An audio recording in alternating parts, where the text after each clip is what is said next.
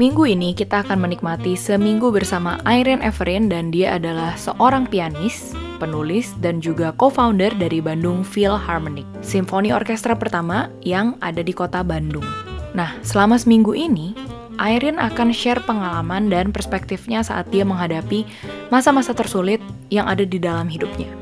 Beberapa momen misalnya saat Oki, suami pertamanya meninggal dunia akibat speeding accident, dan juga saat dia mengalami pelecehan seksual di dalam komunitas spiritualnya. Nah, di episode ini, gue dan Irene akan ngobrolin topik yang mungkin dianggap cukup tabu oleh society kita, yaitu tentang keyakinan beragama dan bagaimana setiap kita pasti pernah diperhadapkan sama realita kehidupan yang bikin kita jadi mempertanyakan atau mungkin berpikir lebih kritis tentang apa yang kita yakini selama ini. Uh, kita merasanya bahwa oh mungkin memang gue deserve ini gitu ya sebagai wanita that I need to submit especially my religion gitu.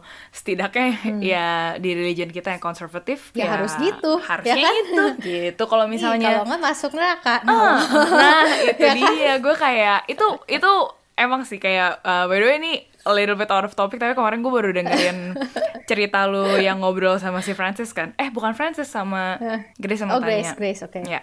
Dan itu interesting banget saat lu bilang iya gue baca bukunya C.S. Lewis and I'm like iya itu gue juga baca tapi gue lupa oh, yang mana that too? yes Grief Observed iya iya yeah it's very good right iya yeah. dia dia good banget dan gue rasa the moment ya maksudnya walaupun si C.S. Lewis nggak gitu ngomongin tentang perempuan in general sih tapi uh, gue merasa saat ada uh, seseorang yang dulunya ateis dan akhirnya memilih untuk jadi Kristen, terus dia mengemasnya secara kritikal gitu ya. Itu membukakan bibit-bibit lu untuk berpikir lebih kritis juga sih akan apa yang lu yeah. percayai. Dan salah satunya untuk gue adalah soal wanita itu sendiri gitu.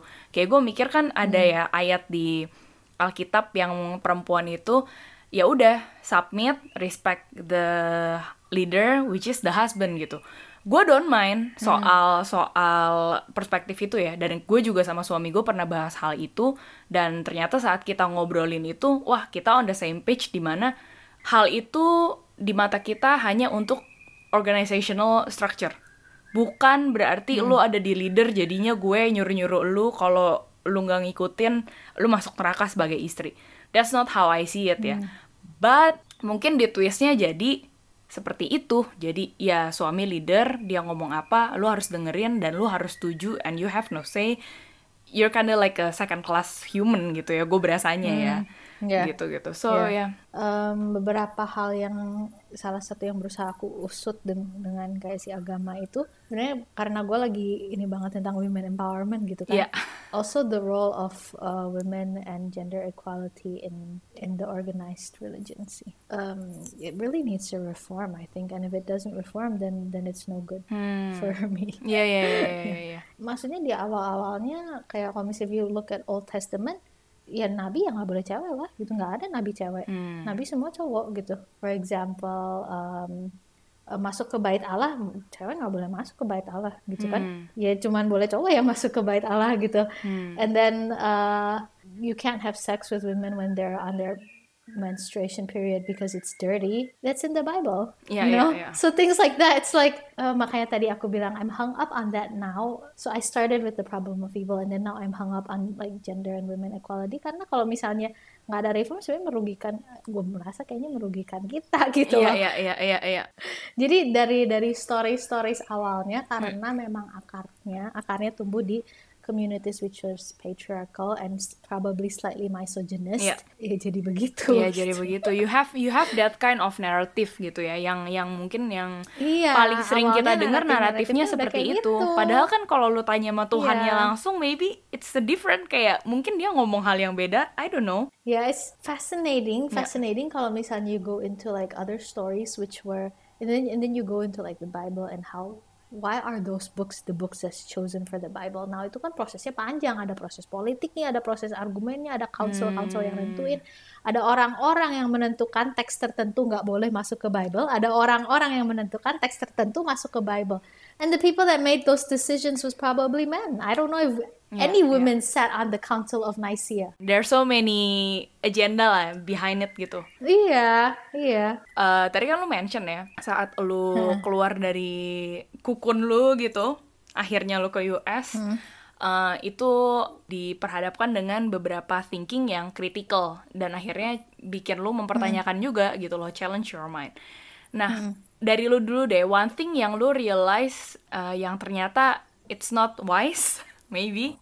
Eh, I've always been uh, kepikiran terus soal si problem of evil itu gitu loh. Salah satu argumen yang dipakai lah gitu ya bahwa si um, kalau misalnya God as we believe in the, um, according to conservative Christianity is all powerful terus ada di mana-mana omniscient se- serba tahu kan he knows everything so basically this is a power a mo- the most powerful all powerful being and uh, the belief is that the God is a good God. Cuman kalau misalnya kayak gitu, then why, why, why is there still evil in this world? Why is this good God letting all of this evil still happening in the world gitu loh? It's just a continuous, continuous debate. Nah, terus kayaknya kalau gue sih stuck on that gitu. Jadi gue kayak kayaknya kayak terlalu suka baca atau apa terus, you know, it's it really, um, ya jadi gue gue lebih lebih research soal hal itu. Kadang-kadang ada yang uh, ya udahlah nggak nggak perlu lu mikirin kayak gitu-gitu just accept gitu loh. It's fine that you just accept it. Nah terus kayaknya ketika beberapa hal yang benar-benar menurut gue it's like evil that happened to me in my life jadi di situ kayak breaking pointnya gue gitu loh. Bahwa okay now I experienced evil in my life. You know before this was like other people's evilness. Terus ketika itu terjadi di dalam hidup gue it becomes my experience dan di situlah kayaknya uh, di breaking point gue di mana I I need to find something else for myself gitu loh. Karena it's just not working anymore because now I have experienced it personally. Yeah. ya itu beberapa hal itu tuh kayak uh, sexual harassment gitu ketika itu terjadi. And then when my first husband died gitu kayak gitu. Yeah. itu for me itu kayak breaking pointnya gue gitu. Dan belum tentu juga bahwa uh, gue nggak akan balik lagi ke ini gitu belum tentu juga gitu kan. Um, who knows right? Maybe 10 20 years down the road 50 years down the road who knows. Uh, but I, I couldn't jump into it right away gitu loh. Gue gue nggak bisa dengan segampang itu langsung menerima, okay, this is okay, it's okay that this happened in my life, it's okay, I, you know, nggak bisa dengan segampang itu menerima itu. I had to say, no, let me let me rethink, let me rethink my basic beliefs lah. Iya iya benar benar benar. Every everyone has their own time untuk proses stuff in their life. Nggak bisa yang Iya, langsung, betul, nggak bisa yang betul. langsung kayak Iya. you know God has good plans ke lu. Iya ngerti, cuma sometimes kalau itu block di otak lu, you just can't. Yeah, and and you know to be fair, to be fair, it might uh, it might help, you know, dealing with trauma or dealing with grief. Kayaknya if religion helps you, then you should ho- Yeah. hang on to that gitu. Banyak banget sih teman-teman gue yang yang juga mengalami banyak banget grief kayak misalnya uh, kokonya meninggal lah, adiknya meninggal, apalagi covid pandemi gini ya. And dan mereka tuh cerita ya kalau gue nggak ber- hang on to my faith ya kalau gue nggak bertahan kepada Tuhan tuh kayaknya gue pasti jadi gila. And that's fine, you know. If, if that works for you, that's fine. But for me, uh, that would have driven me nuts gitu loh. that didn't work for me. That and, and for you probably didn't. It seems like it doesn't work for some other people. Maybe it doesn't work gitu kan. Iya. Jadi ya ya ya kita respect itu kan gitu. But we try, we try to give like what you said, try to give everyone their own space uh, for their own journeys. Nah, kalau gue boleh tahu ya, maksudnya um, Oki, your first husband itu uh, passed away karena accident kan ya? Hmm. Speeding accident. Yeah, speeding accidents, right? From what I've read, lu experience the corrupted government. What did really happen? tentang corruptednya itu jadi kayak misalnya ini tuh udah jelas bahwa hal-hal kayak it's a speeding thing there's speeding laws lewat dari kecepatan sekian itu berarti you're breaking the law Yeah. gitu kan nah terus somebody died on the street it's not my responsibility untuk mengusut itu gitu loh. Oke as a civilian we do our little duties tapi kan itu sebenarnya tanggung jawab pemerintah gitu. Nah Ya. Cuman di kasus yang gue itu banyak hal yang kayak oh eh, suratnya dilama-lamain lah jadi hampir lewat waktunya kalau gue tuh harus bayar gitu. Gue harus bayar untuk implementasi ke ke legality of the issue-nya. Itu juga harus ya kayak harus aku yang push gitu dengan ada ban- bantuan beberapa pihak tapi itu aku yang minta gitu mereka. And then they were not government people they were private people gitu yang ya yang ada kenalan lah gitu. Jadi dibantuin. Kalau enggak ya ya lewat aja gitu aja gitu. No punishment no nothing gitu. It was very very stressful time. Tapi kayaknya uh, karena gue ya, may, ya balik lagi kayaknya maybe I was like like pressure yeah. turns me on or something you know like jadi kayak ini malah membuat gue makin marah dan anger energy itu membuat gue bisa it carried me through that time gitu loh. It's like no this is not anger is your fuel. yeah it becomes my fuel gitu loh iya bener banget sih kayak yeah. lu nggak peduli deh kayak ini bakal turn ke mana yang penting pokoknya as long as gue bisa get the shit done dan bisa ngerjain tugas dengan jelas udah ya udah selesai gitu lah ya yeah. and uh, balik lagi gitu ya saat lu mengalami itu ya uh, day to day itu what is the biggest philosophical life question yang pop up in your head gitu. What, what is your uh, thought gitu at that time? Mirip-mirip sih kayak, kayak problem of evil bahwa okay maybe there's okay maybe there's some good that's that's happening out of all of this, but how does that justify what happened? It doesn't. Kalau kita bawa ke skala misalnya uh, skala kayak perang gitu ya, okay, maybe there's some good happening out of millions of people dying in war, but how does that justify them dying? You know or how does that justify them losing their lives all of these young people? Jadi itu jadi relevan gitu loh. Whether or not something good happens it doesn't justify the fact that something bad already happened hmm. gitu. To be fair also uh, banyak banget orang-orang yang they they really went out of their way to be very kind.